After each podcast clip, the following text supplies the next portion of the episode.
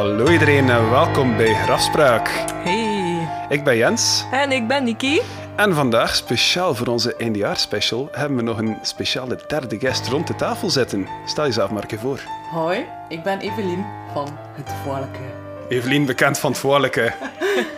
Yes, onze heel speciale gast vandaag. En ook onze ja, um, coronaproof gast. Laten we dat al uh, maar zeker al een keer duidelijk maken. Uh, voor de rest ja, komt er niet echt iemand binnen. Dus uh, voor de mensen die een beetje judgy zouden luisteren, Evelien is de enige die hier binnen mag. En dus ook onze wc mag gebruiken.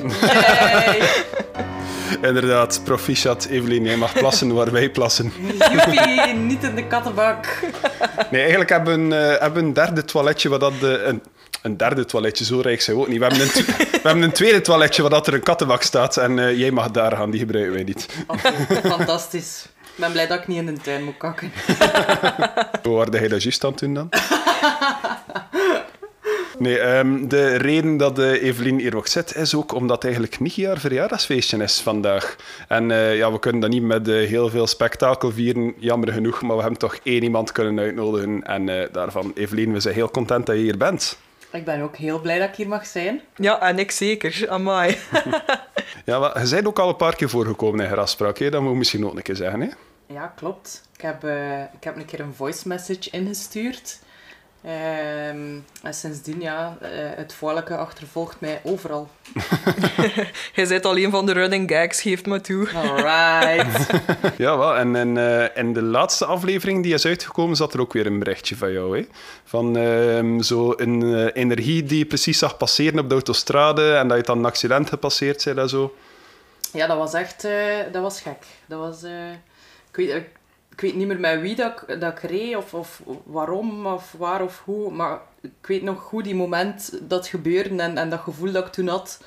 Um, dat was echt raar. En om dan de volgende dag te lezen dat die, uh, dat die dame overleden was in dat, uh, in dat ongeluk, dat was een beetje creepy. Ja, ik kan wel geloven dat je daar toch even kippenvel van krijgt als je zoiets hoort. Ja, zeker. Dat is uh, best wel heavy. Ja, maar... Um, On a lighter note, ik stel voor dat we eerst beginnen met te klinken op, uh, ja, op de feestdagen en op Niki haar verjaardag, dat het ook een beetje een feestdag is. ja, cheers. Santé! Want uh, aan de luisteraars thuis ook, uh, ja, dit is een beetje onze eindejaars special, zal ik maar zeggen. Dus uh, als je luistert, neemt er gerust ook een glazen cava of whatever bij en uh, doe maar mee met ons.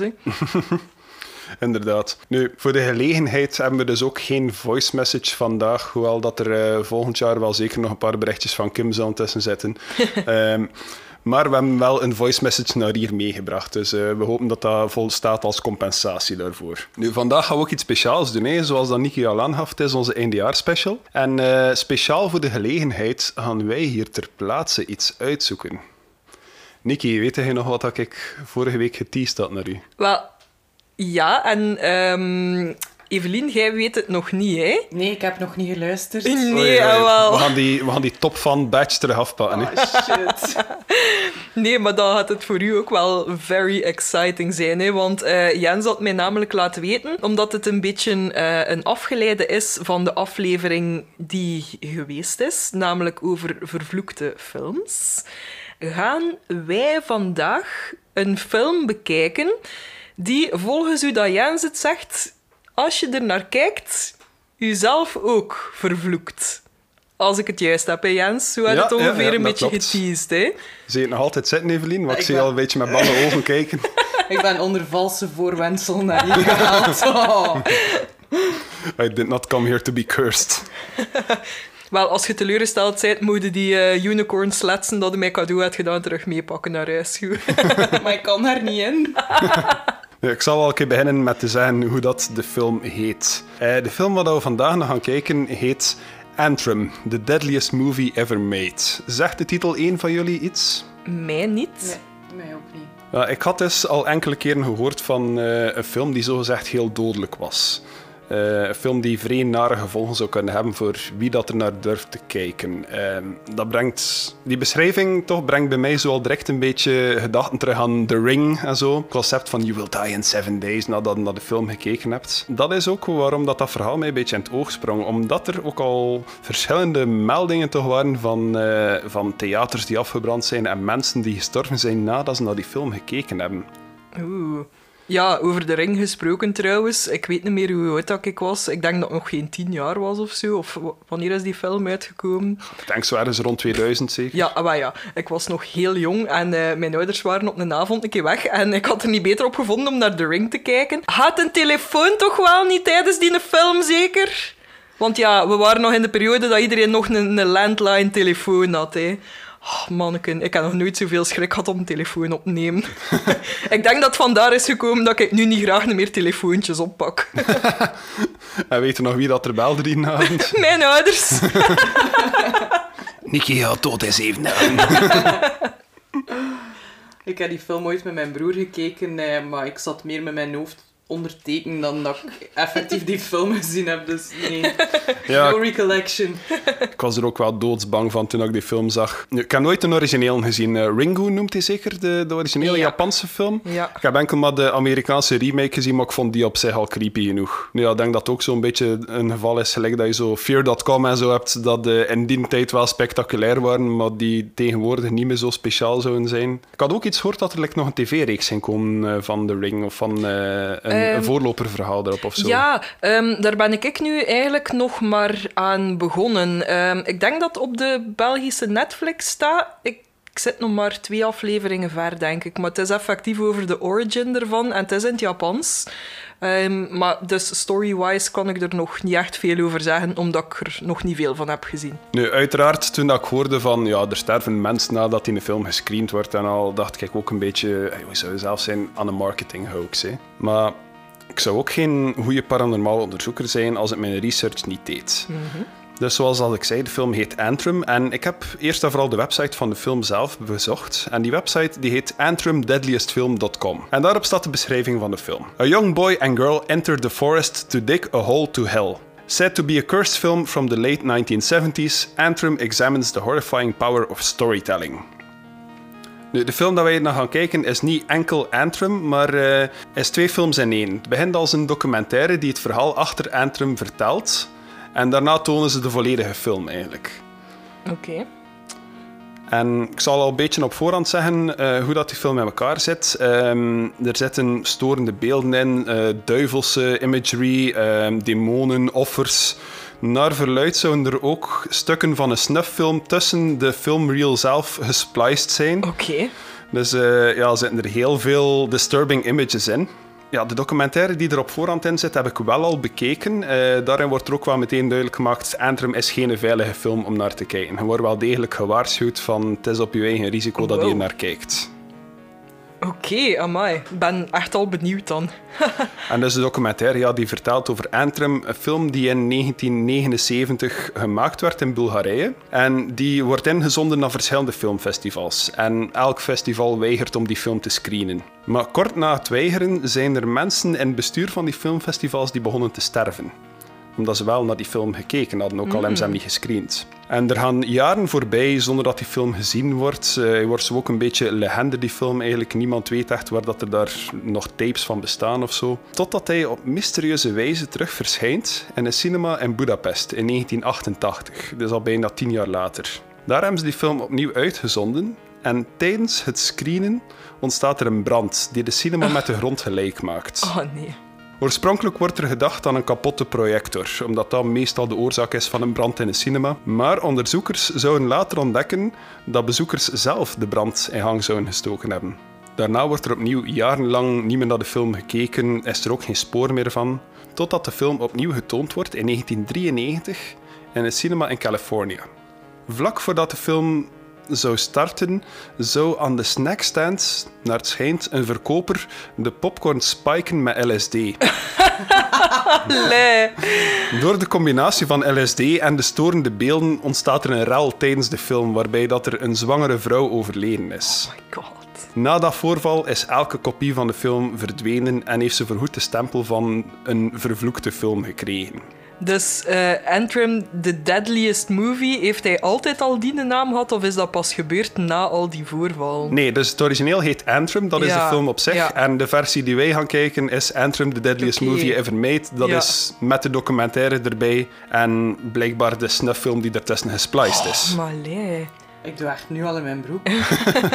In 2018 zou er dus opnieuw een kopie opduiken en een documentaire crew zou die opnieuw uitbrengen voorafgegaan door een kortfilm die de geschiedenis vertelt, die we dus ook gaan zien.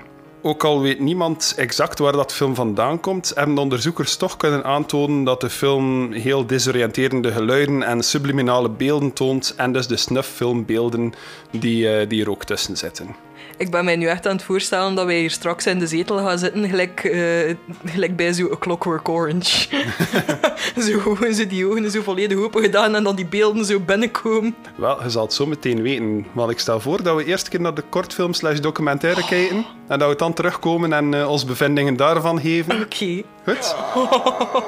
Dan nemen wij nu even pauze. You will die in seven days. Oké, we zijn terug. We hebben net het stukje documentaire bekeken. Ja.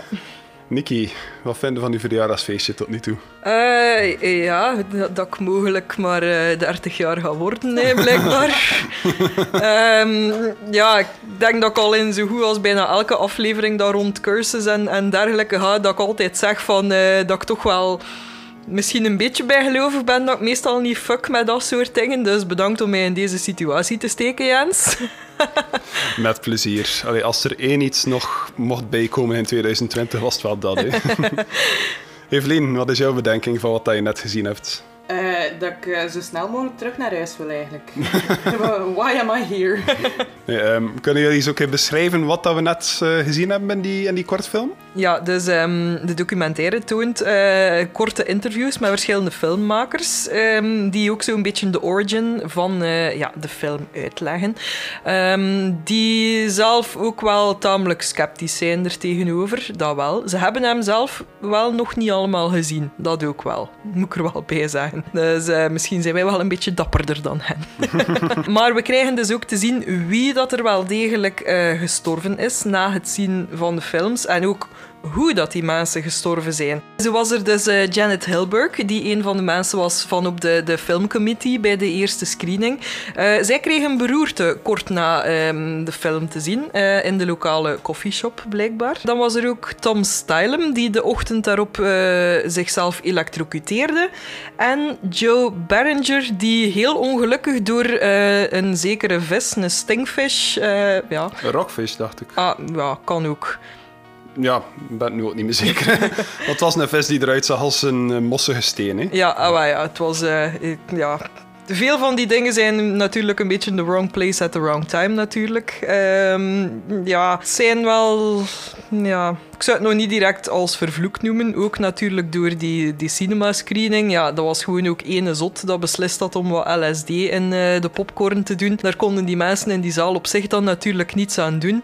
Ja, ik zou nog nuchter genoeg willen zijn om te concluderen dat die dingen misschien gewoon even, ja, ehm, gewoon noodlottige toevallen zijn geweest. Oké, maar wacht tot uw derde glas rosé en wat dat het dan denkt. Nu, wat dat ze ook wel zeiden in eh, die documentaire, is ehm, toen dat de filmrol was, eh, werd teruggevonden, ehm, dat er duidelijk ook wel ja, manipulaties waren gebeurd aan die film. Dat er duidelijk stukken waren ingestoken die echt wel ja, expres er waren ingestoken om echt wel ja, psychologisch ongemak ehm, te bekomen. Dus ik denk, als je al naar die film nu gaat kijken, wetende dat u op zich al ongemakkelijk gaat voelen, dat dat op zich al een soort van deurken openzet. En dat dat er dan nog een beetje ja, van afhangt van hoe dat je daar zelf in staat, denk ik. Hè. Ja. ja, ik denk dat dat wel klopt. Evelien, op een schaal van 0 tot 10, hoe, eh, hoe ongemakkelijk voelt u momenteel? 12 of zo. Nee, En- ik, ben, eh, ik ben echt eh, een little bitch als het aankomt op, op eh, alles dat met psychologische thrillers en horror en zo heeft te maken. Dus ik ben hier echt graag. We, hebben, we hebben dekentjes, we hebben heel lieve katten die, die veel troost willen bieden. En we hebben een vervloekte film, dus er is geen betere combo dan dat. Hè. En straks krijg je eten van ons. Je eten is altijd goed. Als ik nog leef. Allee, ja. Als je nog leeft, ja. Als je lang genoeg leeft om het op te eten, dan krijg je het. Het is stoppen daar geen LSD in stoken. en zo. Waar denk je dat al dat geld van die koffietjes naartoe is gegaan? Ja, ik weet niet hoe duur dat LSD is, maar... ik zou het niet weten. Ja, hoe zien jullie het nog zitten om verder te kijken? Ja, ja, ja. En met het documentaire gedeelte nu gezien te hebben, hoe overtuigd zijn jullie van de Antrim-vloek? ik durf nog altijd wel te kijken. Maar ik ben wel bang dat ik straks met mijn, met mijn auto ergens tegen een paal ga rijden of zo als ik terug naar huis ja, stuur jij in elk geval zeker naar sms'je nog je goed bent thuisgekomen. Ja, ehm, ja, ik denk dat dat zo weer een van die typische dingen is van... Stel dat er zoiets ging over, over pakweg poltergeist of zo ook. Allee, ja... ik Denk, moest, moest dat zoiets geweest zijn voordat je er naar kijkt? Allee, ze zouden dat even over gelijk welke film kunnen zeggen. Hè. Dat is waar, ja. Het is nu gewoon... Ja, er zijn... Ja, buiten die drie filmmakers natuurlijk zijn... En dan ja, die, de persoon in de filmzaal dan ook nog een keer... En de brand, ja... Er zijn nog filmzalen afgebrand. Hè. Ja, wel. Ja, het had natuurlijk ook ja, bij, bij de, de eerste screening van welke Batman-film was het. Eh, de derde, de, The Dark Knight Rises. Ah, maar ja, het moet maar gewoon toevallig een keer overal een zot rondlopen dat, dat in het rond begint te schieten of iets dergelijks. Allee, ja. Dat is wel waar, dat is wel waar. Dat, dat spreekt niet noodzakelijk van een vloek, maar gewoon een ongelukkig toeval. Hè. Ja. Nu, bij Antrim zijn er blijkbaar al een paar ongelukkige toevallen geweest na elke screening van die film. Dus eh, ja, we zullen trap genoeg merken of dat ons kot in brand staat. Hè. Hangt er hier zo'n Crying Boy schilderij? Dat komt hier niet binnen, zeg. Nee, we hebben dat gedoneerd aan de set van thuis. Arme Simonneke. Nee, maar ehm, misschien een vraag dat ik daar nog bij heb. Heb jij soms nog eh, andere, ehm, ja, andere reviews van mensen al gevonden of zo in uw research? Van mensen die hem al bekeken hebben of zo? Wel, ik zal daar straks nog op terugkomen, want ik heb wel nog een artikel gelezen over, eh, over Antrim. Maar je zal straks wel zien waarom dat ik die informatie wil houden tot nadat jullie hem gezien hebben. Oké? Ik weet niet of dat mij dat meer of minder zorgen geeft, maar goed. Goed, zo, ik heb er al sinds wel heel veel hoesting en eh, zeker als ik, ehm, als ik de twee zeer zenuwachtige dames aan de overkant van de tafel zie zitten. het eh, heeft mij zo ook een macabre plezier dat, dat, ja, dat ik jullie eh, heb kunnen uitnodigen om eh, samen met mij naar deze film te kijken. Maar ik weet ook niet of dat ik het alleen zou gedurfd hebben. Ik denk dat we volgende keer gewoon met een, een Ouija-bord moeten afkomen of zo. Voor mijn verjaardag dan. Goed, ik weet niet of dat jullie verder nog iets toe te voegen hebben of dat we verder gaan kijken. Let's get it over with. Oké, als dit het laatste stukje grafspraak is dat jullie ooit horen, dan eh, is het eh, duidelijk een driedubbele ja. En anders geven we onze mening straks. En uh, allee, ja, goed einde jaar en al. hè. Santé. Ja, en eh, hopelijk is eh, 2021 een beetje beter. Bye. You're gonna regret it. You're gonna regret it. You're gonna regret it. Zo, dames, wij hebben net naar eh, Antrim, the deadliest film ever made, gekeken. Ja. Voelen jullie je nog oké? We leven nog, hè? dat is het Ja. belangrijkste. We zitten hier nog, inderdaad. Bij mijn weten staat ons kot ook nog niet in brand, wat dat ook wel positief is natuurlijk. Er was een bedenking die jullie maakten tijdens de film over ehm, wat we tot nu toe hadden gezegd in de opname. Dat we al gesproken hadden over snufffilms en dat we nooit hadden gezegd wat dan een snufffilm eigenlijk was. Want wij weten dat wel, maar misschien weet niet iedereen dat. Hè? Is er een van jullie die het wil uitleggen? Ja, klopt. Ehm, ah, wel, misschien weet ik niet zo de, de volledig juist accurate eh, beschrijving, maar een snufffilm, dat is voor mij eh, ja, een film dat, dat effectief echt is opgenomen geweest en dat meestal iets heel sadistisch is. Dat, dat kan gaan tot, allez, van verkrachtingen tot ja, effectief iemand voor de camera vermoorden.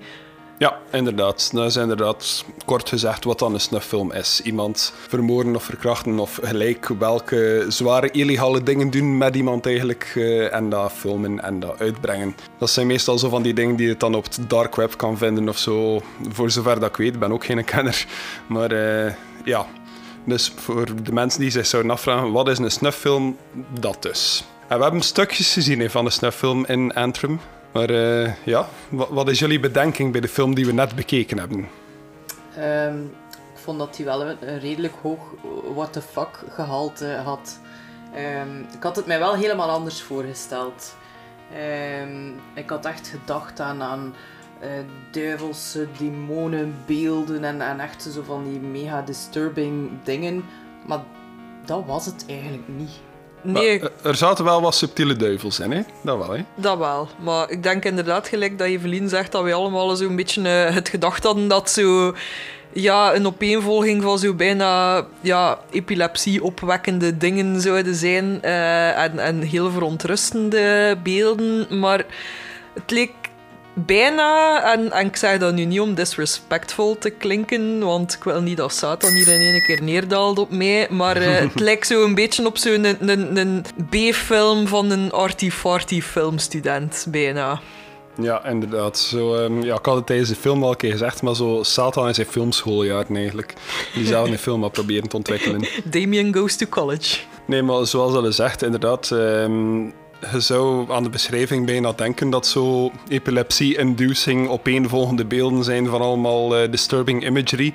Maar er zit wel effectief een verhaal in. Ja, ik zou nu niet zeggen dat het een topverhaal is dat erin zit, maar eh, ai, er zit wel een begin, midden en einde in. Voor zover dat we het zo kunnen noemen. Evelien, kun je eigenlijk eens zeggen wat dat verhaal van die film ongeveer was? Ja, dus ehm, het verhaal gaat eigenlijk ehm, eerst en vooral over een, eh, een gezin. eh, wat wil zeggen een moeder met eh, haar dochter en haar zoon. En die hebben een hond. Eh, de hond heet Maxine. En het eerste eigenlijk dat je ziet is dat ze Maxine een, een spuitje geven. Ehm allee, je ziet eerst die hond en dan zien ze, gelijk dat Nicky zo mooi opmerkte tijdens de film, dat ze eigenlijk een flanel dekentje in een spuitje gaan. Omdat de hond veel minder pluizig was dan hetgeen waar dat het spuitje in ging. Hè. Ja, inderdaad. En ehm, ja, nadat dat gebeurd is, ehm, bevinden we ons in de auto waar dat zij terugrijden nadat ja, de hond juist zijn spuitje heeft gekregen. Haar spuitje, excuseer. En krijgt de zoon helaas te horen dat ehm, not all dogs go to heaven. Want eh, Maxine, de hond, zou helaas eh, een, een slechte hond geweest zijn en die zou helaas naar de hel gegaan zijn. Want we krijgen te horen dat eh, Maxine helaas de jongen Nathan zou aangevallen hebben. En dat dat de reden is dat de hond dus ja, moest ingeslapen worden. Ja, we zien dat inderdaad een beetje meer naar het einde van de film toe. Hè? Ja. Ja, dan de rest van de film is eigenlijk de, de broer en zus die in een bos zitten en daar volgens een ritueel dat in een boek opgeschreven en getekend staat, een put naar de hel proberen te graven. Hè. Nu, Die put was er ook iets speciaals aan, hè, met die touwen die ze daar gelegd hadden en zo. Ja, inderdaad. Ehm, dus wat dat we konden zien is dat ze beginnen met de opbouw, eigenlijk voordat ze effectief beginnen graven. We zien ehm, vijf objecten. Eh, en van wat dat we daaruit konden opmaken waren dat vijf objecten dan eigenlijk gelinkt waren aan vijf, ja, de, de hoofdreligies, zou ik maar zeggen zeker. Dus eh, het christendom, jodendom, hindoeïsme, islam en Boeddhisme. boeddhisme. Ja. Ja, en dan zien we uiteindelijk dat dat dus verbonden wordt met elkaar tot een pentagram. Want, uiteraard. Ja, en dat is daar een put in binnengraven. Nu, ik zie ook dat jullie alle twee notities genomen hebben. Eh Niki die heeft bijna een boek geschreven en Evelien heeft vijf lijntjes geschreven. Maar Evelien, haar lijntjes zijn wel de beste. wat, wat, heb je... wat heb je daarop staan, Evelien? Vertel het een keer. Eh, ja, eerst en vooral eh, ga ik met iets verstandig beginnen. Ehm, de definitie van antrim, van de titel van de film, eh, wordt ook in de film zelf ehm, verklaard. En antrim is de de entrance to hell. Dus de put is the antrim. Ja, inderdaad. Eh, voor de rest eh, heb ik ehm, iets met een hoofd in de wolken opgeschreven. Dus eh, op, op een bepaalde moment in de film zie je de broer en de zus ehm, staan met een grote, eh, een grote blauwe lucht daarboven. En daarin zie je ineens een gezicht. Eh, en ik had opgeschreven eh, Mustafa, zoals in The Lion King, maar binnen, ik denk dat mijn, mijn Lion King eh, eh, islamitisch is geworden. dus gelijk Mufasa, eh, zoals Niki mij daar mooi op duidde.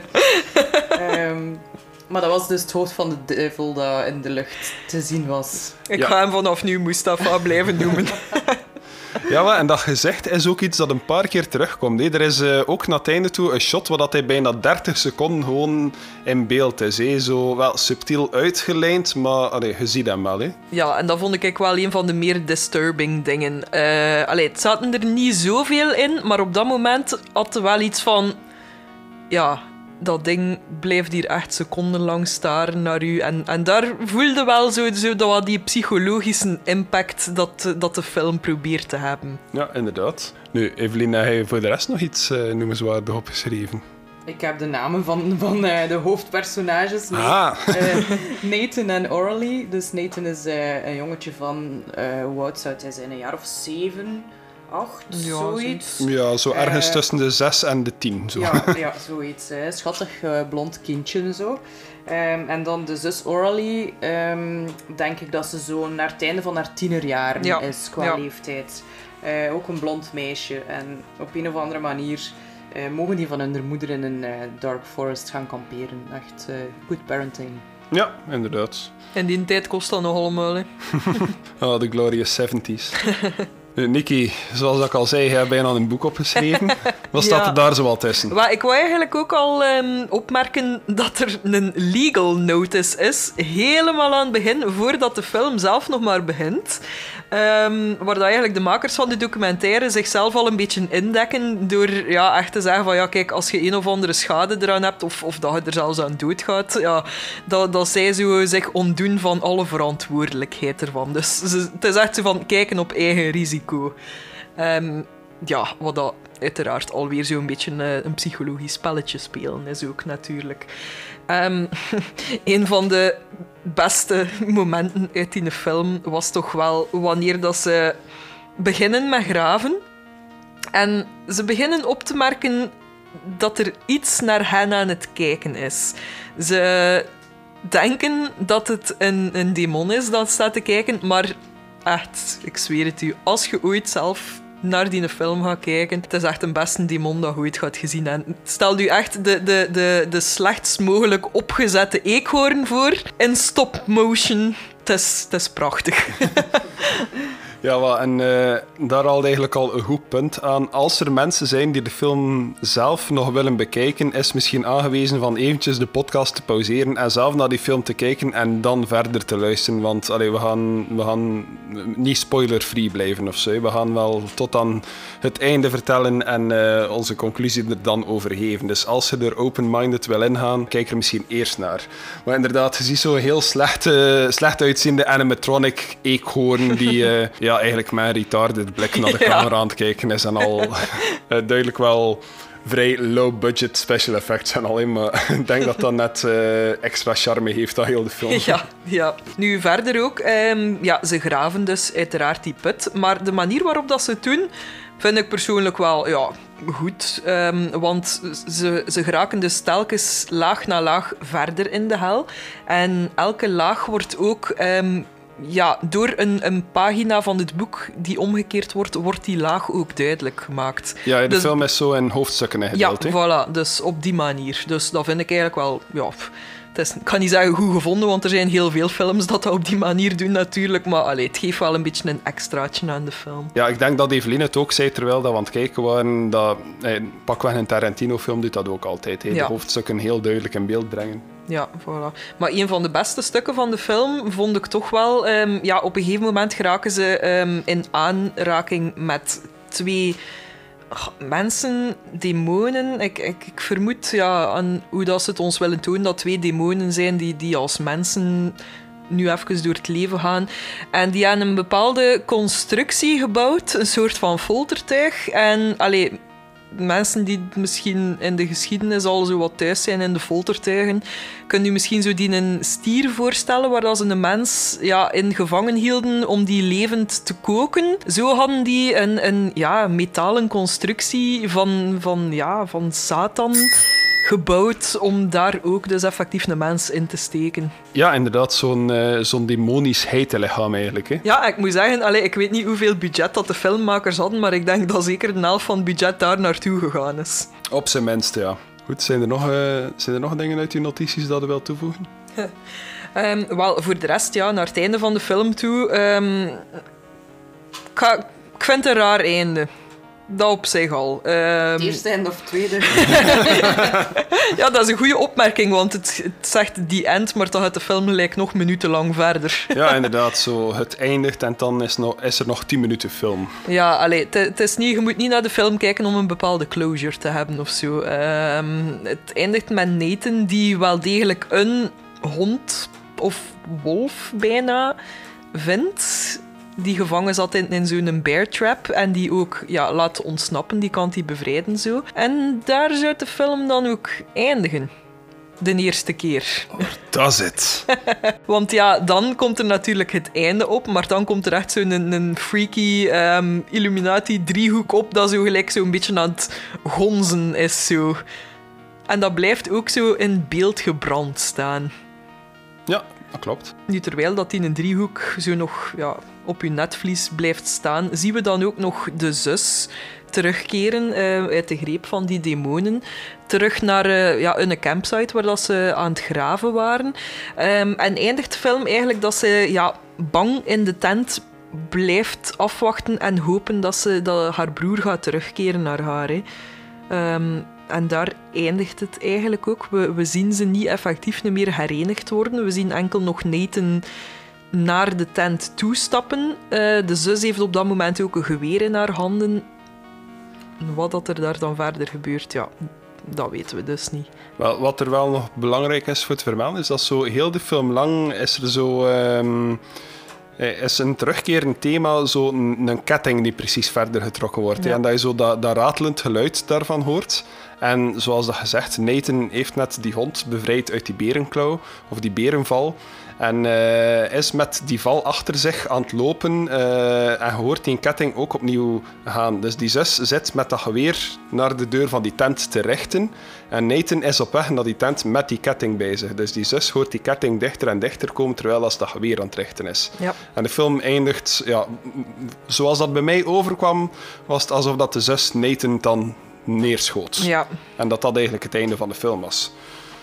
Nu, naast het verhaal van de film zelf, ehm, dat op zich al een vrij storend verhaal wel was, afhankelijk van hoeveel wijn dat gedronken hebt terwijl dat je kijkt en hoe serieus dat hem nog neemt, maar zat er doorheen de film ook wel redelijk wat imagery in verstoten. Hè? Eh, zo was er een symbool dat eh, bleef terugkeren, dat zo telkens maar een fractie van een seconde in beeld kwam. En dat was zo'n pentagram Baphomet-achtig symbool, dat dan op het einde door de documentaire crew ook nog wordt uitgelegd als een, eh, een symbool gelinkt aan een demon genaamd, ik dacht, Asgonaut of zoiets? Asteroid. Astaroth. Een demon genaamd Astaroth, ja. Eh, en dat is eigenlijk een symbool dat die demon zou uitnodigen om in jouw lichaam te kruipen. Eh, wat dan ook weer een beetje gelinkt wordt aan heel de, ehm, aan heel de vervloekte aard van de film. Ja, want dat, dat symbool zou blijkbaar meer dan of 170 keer doorheen de film te zien geweest zijn. Ja, we hebben het ook wel heel vaak gespot. hè. We hebben een paar keer geprobeerd om de film op het juiste moment te pauzeren, maar Ja. dat is eigenlijk niet gelukt. Ja, en, en over dat pauzeren gesproken, eh, af en toe, eh, zeker twee of drie keer, kwam er eh, ook een, een boodschap in het Latijn, eh, zo echt een fractie van een seconde op. Eh, Jens heeft ook enorm zijn best gedaan om dat op pauze te zetten. Dat is niet altijd gelukt. Ehm, maar dat zijn zo, ja, waarom? Een symbool kun je nog op, op een bepaalde manier plaatsen, maar die een tekst, als je gewoon naar die film zit te kijken, die een tekst komt daar dan in. Eh, een fractie van een seconde, Ja. zonder dat je, dat je hem eigenlijk deftig kunt lezen. En als je dan geen zin hebt om op pauze te zetten, of je hebt het juiste materiaal niet, of je tv is te traag of whatever, dan heb je daar toch niks aan. Hetzelfde met die beelden van die snufffilm eigenlijk, dat er tussendoor zitten. Hè. Allee, persoonlijk ja, zag ik niet echt de link erbij wat dat, dat erin deed al, buiten gewoon weer zo, ja, dat, die een angst of dat psychi- psychologisch een beetje te triggeren. Maar denk eraan, dit is de enige kopie die de documentairemakers nog vonden van de originele film. En die was gespliced geweest met die snufffilm. Ja. Eh, dus zij hadden gekozen om dat met die beelden terug uit te brengen. Ja, Ehm, maar inderdaad, ja, die snufffilm. Je, za- je zag zo'n paar keer een man en een vrouw die like, gevangen zaten in een kamer. En eh, ja, je ziet ze zo op een bepaald punt vastgeketend zijn en opgehangen. En dan zie je ze dood op de grond liggen en zo. ja. Ehm, dat was redelijk disturbing, maar telkens maar heel korte stukken tot op het einde dat er zo wel een scène van een paar seconden in zat. Hè. ja. Wat ik wel ook boeiend vond, is dat er op het einde nog een stuk in zat ook ehm, dat ze eh, ja, wetenschappers nog hebben geïnterviewd ook daarover. Ehm, ja, deels over die sigils al dat we besproken hebben. Ehm, maar ook dat er met bepaalde frequenties zou gewerkt worden en ook ehm, verschillende frequenties die ook een bepaalde trigger in de hersenen kunnen geven dat een bepaald gevoel zou kunnen opwekken. Bij sommige mensen zou dat euforie zijn, bij anderen zou dat dan weer meer anxiety geven. Dus allee, ja, dat is ook wel boeiend erachter. Ja, en bij anderen zou dat zijn, elektrocuteert jezelf in uw keuken. Valt op een rotsvis. Maar ik vond het wel mooi verwoord ehm, door een van de wetenschappers dat die zei van ja, het komt eigenlijk allemaal ook neer op the power of fear. Als je sowieso al je daarvoor openstelt om daardoor beïnvloed te worden, gaat dat op zich ook al een groter effect hebben. Ja, dat klopt. Maar nu dat wij met z'n drie de film in zijn geheel gezien hebben, plus de documentaire met de uitleg erbij, wat is jullie bedenking? Zouden jullie zeggen dat er echt een vloek zou kunnen zijn rond die film of niet? Ik zal misschien eerst het woord geven aan onze gast. Ehm, voor mij, nee. Eh, helemaal geen vloek. Hij voelde Eh, je niet nee, vervloekt, nee, geen nee, beetje. Nee. En ik heb ook nog maar 2,5 gra- glazen rosé op, dus ik bedoel... mm, ehm, Hij voelt nog niet de neiging om een zwangere vrouw te vertrappelen of zo. nee, nee, nee, nee, nee, helemaal niet. Ehm, Die LSD is nog niet aan het werken. Hè. nee, ik vond ook... ehm, gelijk gelijk dat mijn gedacht is, is het gewoon allemaal een beetje in scène gezet. Heel die documentaire ook. Dat zie ik. Mhm. Dat, eh, dat die film, allee, die documentairemakers dan zeggen van eh, oh, dat is de laatste kopie dat we gevonden hebben en die snufbeelden en siala. Maar dat dat, dat dat eigenlijk heel de opzet is. Oké. En Wat, wat denk jij ervan, Nikki? Wel, ik geef, eh, ik geef u eigenlijk volledig gelijk, Evelien. Ik, ik, ik zou bijna zeggen van, hey, goede marketing. Ehm, want ik weet niet, wanneer is deze documentaire gemaakt geweest? 2018. Ja, ik weet niet ehm, ja, hoeveel kijkers dat deze documentaire ondertussen ook al zal gehad hebben. eh, maar ondertussen zullen er ook wel heel veel mensen zijn die ondertussen de documentaire en de film ook al opnieuw eh, bekeken hebben. Maar ja, ik zeg het, het is... eh, het te veel, hè. We hebben ook juist de aflevering gehad over Poltergeist, The Omen, The Exorcist. Allee, het zijn ook allemaal films waar dat er veel goh, legendes, zou ik maar zeggen, rondhangen. En het draagt allemaal een beetje bij aan de legacy van de film. Hè. Ik denk als er zoiets rondhangt, dat dat op zich een film al boeiender maakt. Maar, allee, The Omen en zo zijn dan wel ook kwalitatief betere films dan wat we net hebben gezien. Sorry, Satan. Goed, dat is uw conclusie dus? Ja, dat is mijn conclusie. Oké, dan zal ik even overgaan naar ehm, jullie te vertellen hoe dat ik eigenlijk bij die film gekomen ben. Want ehm, ja, ik, had, ik had van die film gehoord als een van de meest vervloekte films aller tijden en een enorm dodelijke film en zo. Dus natuurlijk wou ik dat een beetje kunnen researchen voor grafspraak, want het is natuurlijk wel een vrij luguber onderwerp en een vloek is altijd interessant, zeker eh, als, als ze zo'n claims maken als... eh, eh, naar die film kijken eh, zorgt ervoor dat je gegarandeerd gaat sterven. Of heel veel mensen die gekeken hebben eh, zijn doodgegaan nadat ze die film bekeken hebben. Dat laat je fantasie al meteen wakker worden en wekt al interesse op. Hè? Dus toen ben ik een, een artikel beginnen lezen over Antrim, the deadliest film ever made. En dat artikel dat startte eigenlijk al meteen met de zin dat Antrim een parodiefilm is die eigenlijk in 2018 uitgekomen is. Ah, En ik had ergens wel schrik dat jij dat meteen ging doorhebben, Nikki. Want het jongetje dat erin meespeelt, heb je onlangs nog in iets anders nee, gezien. waarin? Dat jongetje speelt namelijk jonge Homelander in The Boys. Wat? Dus ik, ik had ergens schrik dat je meteen ging doorhebben dat die film niet in de jaren 70 kon gemaakt Oh. geweest zijn. Maar ja, je weet toch dat ik zo'n dingen niet onthoud als ik het Nee, wel, dat was ook al de geruststelling bij mij. Dat ik weet dat uw geheugen ook een zeef is. Allee. Dus helaas moet ik eh, ermee akkoord gaan. De Antrim-vloek is niet echt, maar heeft u het is wel cool Maar verhaal. ik zei dat ik mij dan wel al een beetje opgeluchter voel. I'm not gonna die. Maar stuur mij toch maar naar zijn mesken dat hoe zijn Ja. thuisgekomen. Dus ja, het spijt mij dat ik jullie een beetje om de tuin geleid heb, maar moest ik dat meteen gezegd hebben, dan... eh, Oh, Dus ja, ik hoop ook dat de mensen die de film nog wouden zien, nu al gekeken hebben, want eh, anders is de grap er ook al een beetje vanaf. Dus ja, de, eh, de, de manier van eh, amateuristisch shooten en eh, de crappy eekhoorn en zo, dat is er ook wel een beetje om gedaan, Oh. vrees ik. oh, ik hoop dat je er nu een action figure van kunt kopen van die eekhoorn. Dat is voor uw volgende verjaardag. Yes! Dus helaas, Antrim is niet vervloekt. Gelukkig voor ons, eh, helaas voor het verhaal. Oh, chance dat ik tussendoor niet heb zitten IMDb'en of zo. Ja, wel, inderdaad. Het is daarmee dat ik het al gedaan had tijdens dat, terwijl dat we aan het kijken waren, want eh, anders ging de grap er ook al af geweest zijn. Maar al twee de acteurs zijn ook springlevend. Eh, er is geen cinemazaal afgebrand in de jaren tachtig. Eh, er is geen zwangere vrouw vertrappeld geweest tijdens een screening. Wauw. Dat is gelukkig allemaal niet echt gebeurd. En die mensen, die, gelijk die Janet Hilberg en al, hebben die dan echt bestaan? Of was dat ook allemaal gewoon in show gezet? Maar ik vermoed dat de meeste mensen die eraan meewerken acteurs zijn. Maar eh, Oh, ik, heb niet, ik heb niet echt verder opgezocht of dat al die mensen dan echte demonologen zijn of zo. Zodra Oh. dat ik eigenlijk wist dat het een parodie was, heb ik niet, niet veel verder mijn research gedaan naar de cast en zo, omdat ik wist dat het allemaal in scène gezet was. Oh, Maar op zich vind ik het wel een boeiend filmproject. En ehm, als, je niet weet waar, eh, als je niet weet waar dat aan begint voordat je kijkt, dan is het wel overtuigend genoeg dat er daar effectief zo'n backstory achter die film zit. Hè. En dat wil ik ook een beetje proberen te bewijzen met jullie die film te tonen zonder de context dat het een parodie was. dus mijn theorie dat gemaakt is door een arty-farty filmstudent zou wel kunnen kloppen. Ja, en Evelien, haar theorie dat het eigenlijk pure marketing is, klopt ook volledig. En dat is een snuffmovie echt... Nee. Nee, nee, nee. Als dat een geruststelling mag zijn, we hebben niet naar echte snufbeelden gekeken. Oh. Maar goed, ik hoop dat jullie er eh, desondanks toch van genoten hebben. Ja, we hebben maar eh, twee uren op deze dag eh, even voor ons leven gevreesd. Dus, Wel, het is op zijn minst een memorabel verjaardagsfeestje, Niki. dat zeker. Unforgettable.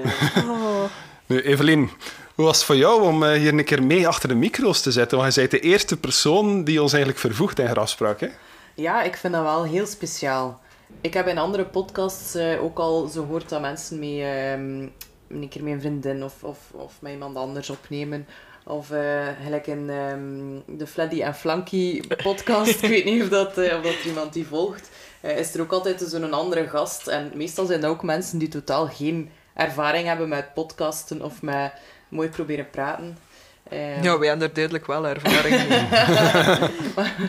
Hilder doet uw best nog. Ehm, maar ik vond, ik vond het heel tof. Ik vond het ook leuk om, om, om de film te zien. Eh, al was het een grote marketingtruc. Eh, maar ik vond... Hij zei een geniepenhaard, hè, ja. nee, echt eh, tof. En zeker voor herhaling vatbaar. Zie je waarmee dat ik moest samenleven? Maar toch, gewoon de blik in jullie ogen toen ik de beschrijving aan het geven was van de film aan het begin van eh, de opname, was het voor mij al waard om twee uur naar een film te kijken waarvan dat ik al wist dat het niet echt ging Maar zijn. wij gingen echt doodgaan, hè. Ik durfde letterlijk niet naar dat secondenlang stilstaand beeld te kijken. Ik was naar het haardvuur naast een tv aan het kijken. Maar goed, we hebben het overleefd en we moeten niet vrezen voor ons leven. We zullen in 2021 nog steeds grafspraakafleveringen kunnen maken. Oh, het vasthouden. En wie weet zullen er ook nog verdrongen herinneringen van Evelien bovenkomen, waarmee dat ze dan nog een keer een berichtje kan sturen naar ons. Ik hoop het eigenlijk niet, want ik vind het creepy dat ik dat al zo lang verdrongen heb in mijn hoofd en, en dat dat ineens, gewoon door, door een zin te horen of een beeld te zien of zo, dat dat ineens zo uit je hoofd terug naar boven Ja. komt. Ja, eh, wel, wij blijven ook zo van de slaapparalyse-aflevering ook nog berichten ontvangen van mensen. Dat is echt... eh, Ja, dat, wel gebeurt nog regelmatig eigenlijk. ja. Ik denk dat ook, eh, behalve onze eerste aflevering, dat de slaapparalyse-aflevering onze meest beluisterde aflevering is. Hè? Als ik het mij goed herinner. Maar zijn er dan mensen die echt zo, zo een aflevering herbeluisteren of die gewoon in, in een hele reeks maar één of twee afleveringen luisteren? Je hebt altijd wel mensen... Wat dat je altijd ziet aan eh, podcastcijfers... Ik kan, ik kan dat nu zeggen omdat ik twee verschillende podcasts doe... eh, is dat er heel veel mensen zijn die naar uw eerste luisteren en dat ongeveer de helft nog overziet bij uw tweede. Gewoon mensen die de aflevering opzetten en na een paar minuten al zeggen van het is niks voor mij. Of mensen die wel een aflevering uitluisteren, maar er niet aan verder doen. Eh, dat hadden we wel altijd. En je ziet dat er sommige afleveringen wel een beetje spiken. Nu, grafspraakafleveringen kun je eigenlijk allemaal afzonderlijk beluisteren. Dat was ook ons idee bij, in het begin al, dat we heel duidelijke titels gingen maken, zodat mensen zelf konden kiezen van, ah ja, dat interesseert mij, dat interesseert mij minder. Dus je merkt dat sommige afleveringen het een klein beetje beter doen dan die ervoor, maar op zich zitten de meest wel op dezelfde lijn. Maar ik wil wel een tip geven aan alle luisteraars. Elke week luisteren, hè, jongens. Jens en Niki zijn mijn zondags creepy dekentje. Als ik zo even niks te doen heb, dan ga ik mij in mijn zetel zetten en dan heb ik Jens en Niki in mijn oren. Oh, dan is het gelijk dat we bij u in de zetel zitten. Ja. Ondertekentje. Ondertekenen. Met de katten bij ons op de schoot. Ja. Hoeveel hebben we er samen? 1, 2, 3, 6. Samen, samen zes katten. Dat is hier al een gezellige boel. Nee, maar ik kan wel zeggen dat, ehm, dat we ook wel blij zijn om te zien dat de cijfers elke week wel een beetje stijgen. En eh, ja, we sluiten 2020 af met deze aflevering. Eh, dus kan er ook wel bij zeggen dat we nu de afgelopen week ons hoogste aantal luisteraars ooit gehaald hebben. Dat er in eh, de afgelopen week meer dan 800 mensen naar ons geluisterd hebben. Wat dat voor ons echt wel enorm overweldigend is. Ja, allee, dat is echt fantastisch om dat te zien. Allee, het is iets dat wij heel graag doen. Wij amuseren er ons rot mee. We steken er ook echt heel veel werk in, in de research ook, om, om toch iets kwalitatief af te leveren. En ja, dan is het echt heel motiverend om te zien dat toch ook zijn vruchten afwerpt. En dat jullie er ja, uw plezier mee hebben. Hè. Zeker Ja. in deze tijden. Inderdaad, en je ziet dat ook in de Facebookgroep, hè, die, die ook heel actief is. Wij posten er zelf heel regelmatig in, maar we zien bijna alle dagen wel een fan die iets post, al is het een meme. Of eh, ja, van de week met heel dat gedoe van die brand in thuis bijvoorbeeld. eh, dat toevallig kon gelinkt worden aan onze Crying Boy aflevering, wat dat ook wel voor eh, een paar leuke grappen ge- gezorgd heeft van mensen. En daarmee hebben wij toch ook een keer naar thuis gekeken. Ja, wel, ik denk dat dat de eerste keer in mijn leven is dat ik een volledige aflevering van thuis gekeken heb. Dat was vroeger mijn momentje met mijn mama, altijd in de Oh. zetel s'avonds. Wij waren een familiegezin, maar ik kijk er eigenlijk ook al niet meer naar. Ik weet, Nee, bij ons was het een BRT. Wij waren een VTM-gezin. ik weet zo nog ooit een keer dat ik... ehm, ja, het is even een aftakking, maar ik was zo samen aan het werken met een student op, eh, op mijn vorige werk. En die vraagt mij zo, heb jij gisteravond naar thuis gekeken? Ik zei, ja, nee, ik kijk daar niet naar. Hij zei, oh nee, hij is een familiekijker. ik, zei, ik zei, nee, het is niet het een of het ander. hè. Ik zei, je kan ook naar andere dingen kijken dan thuis of familie. Maar Dat is gelijk dat in The Crips of the Bloods uit zijn. Bij ons is het enkel Stoen de Liebe. Maar ja, kijk, eh, Jens had het al een keer aangehaald. Ik denk dat ik het misschien ook al een keer heb aangehaald. Daarmee was dat dus de laatste aflevering van 2020. Wij hebben er al enorm van genoten tot nu toe. We gaan zeker nog blijven voortdoen in 2021, absoluut. Ehm, ja, ik wil jullie al sowieso een goed eindjaar wensen. Ik hoop dat jullie er allemaal goed doorkomen. We zitten allemaal een beetje in een moeilijke situatie momenteel. Niet iedereen kan de feestdagen doorbrengen met zijn naasten en met zijn geliefden. Dus ik hoop nog altijd dat wij toch op deze manier ook een beetje troost kunnen bieden aan jullie. Ik weet even niet wat verder zeggen. Blijf allemaal thuis. Blijf allemaal thuis in veilige bubbels. Draag maskers, hou afstand. Blijf die regels alsjeblieft volgen, want het is heel belangrijk als we willen dat we volgend jaar terug naar een normaal leven kunnen gaan. En misschien een live podcast. En inderdaad, een live podcast, dat zou ook heel leuk zijn. We hebben eh, in de vorige aflevering al beloofd dat Niki een breakdown ging krijgen live op een podium. en dan zullen we ook zien hoe dikwijls dat we het opnames moeten stilleggen voor Niki die rap een plaspauze moet gaan maken. Hey. Mijn excuses. maar goed, dan rest er ons enkel nog maar om jullie nogmaals te bedanken voor het luisteren dit jaar. We hopen dat jullie even hard genieten van Graspraak als wij dat zelf doen, want voor ons is het ook heel leuk. Het feit dat er mensen zijn die blij worden door naar onze podcast te luisteren, of die er, zoals Evelien, een wekelijks ritueel van kunnen maken, of eh, een paranormale comfort blanket in ons zien, dat appreciëren wij echt allemaal enorm. En als je verder in contact wil komen met ons, dan raden wij aan om ofwel naar onze Facebookgroep te gaan, die de Grafspraak Community heet, oftewel naar onze website te gaan. En eh, Evelien, weet jij wat dat die website is? www.grafspraak.be Yeah! En wat valt er allemaal te beleven op die website? Wel, daar kun je ons om te beginnen steunen door een koffietje te trakteren. Of als je een keer zot wilt doen en iemand of uzelf een cadeautje wilt doen, eh, hebben wij een webshop waar dat er t-shirts te krijgen zijn, koffietassen, totebags, stickers, noem maar op. Maar wij hebben daar dus ook een knop staan waarop dat je zelf je eigen voice message kunt opnemen als je zelf een bepaalde paranormale, lugubere, whatever case hebt meegemaakt. Of verdrongen herinneringen. Over valkens. En naast die website hebben we nog het een en het ander. We hebben nog onze sociale media en dat is op zowel Twitter als Instagram als Facebook gewoon grafspraak opzoeken. En als je ons ook volgend jaar wilt terugvinden, wij zijn beschikbaar op alle podcastplatforms. En als je toevallig naar ons luistert via Apple Podcasts, dan vragen wij ook heel lief om ons toch die 5 sterren rating te geven. Ja, inderdaad. Want als je geen vijf sterren heeft, dan zal Evelien bij jullie thuis al jullie wijn komen opdrinken. Bedankt om te luisteren naar Grafspraak. We wensen jullie een fijn eindejaar en tot volgend jaar. Bye!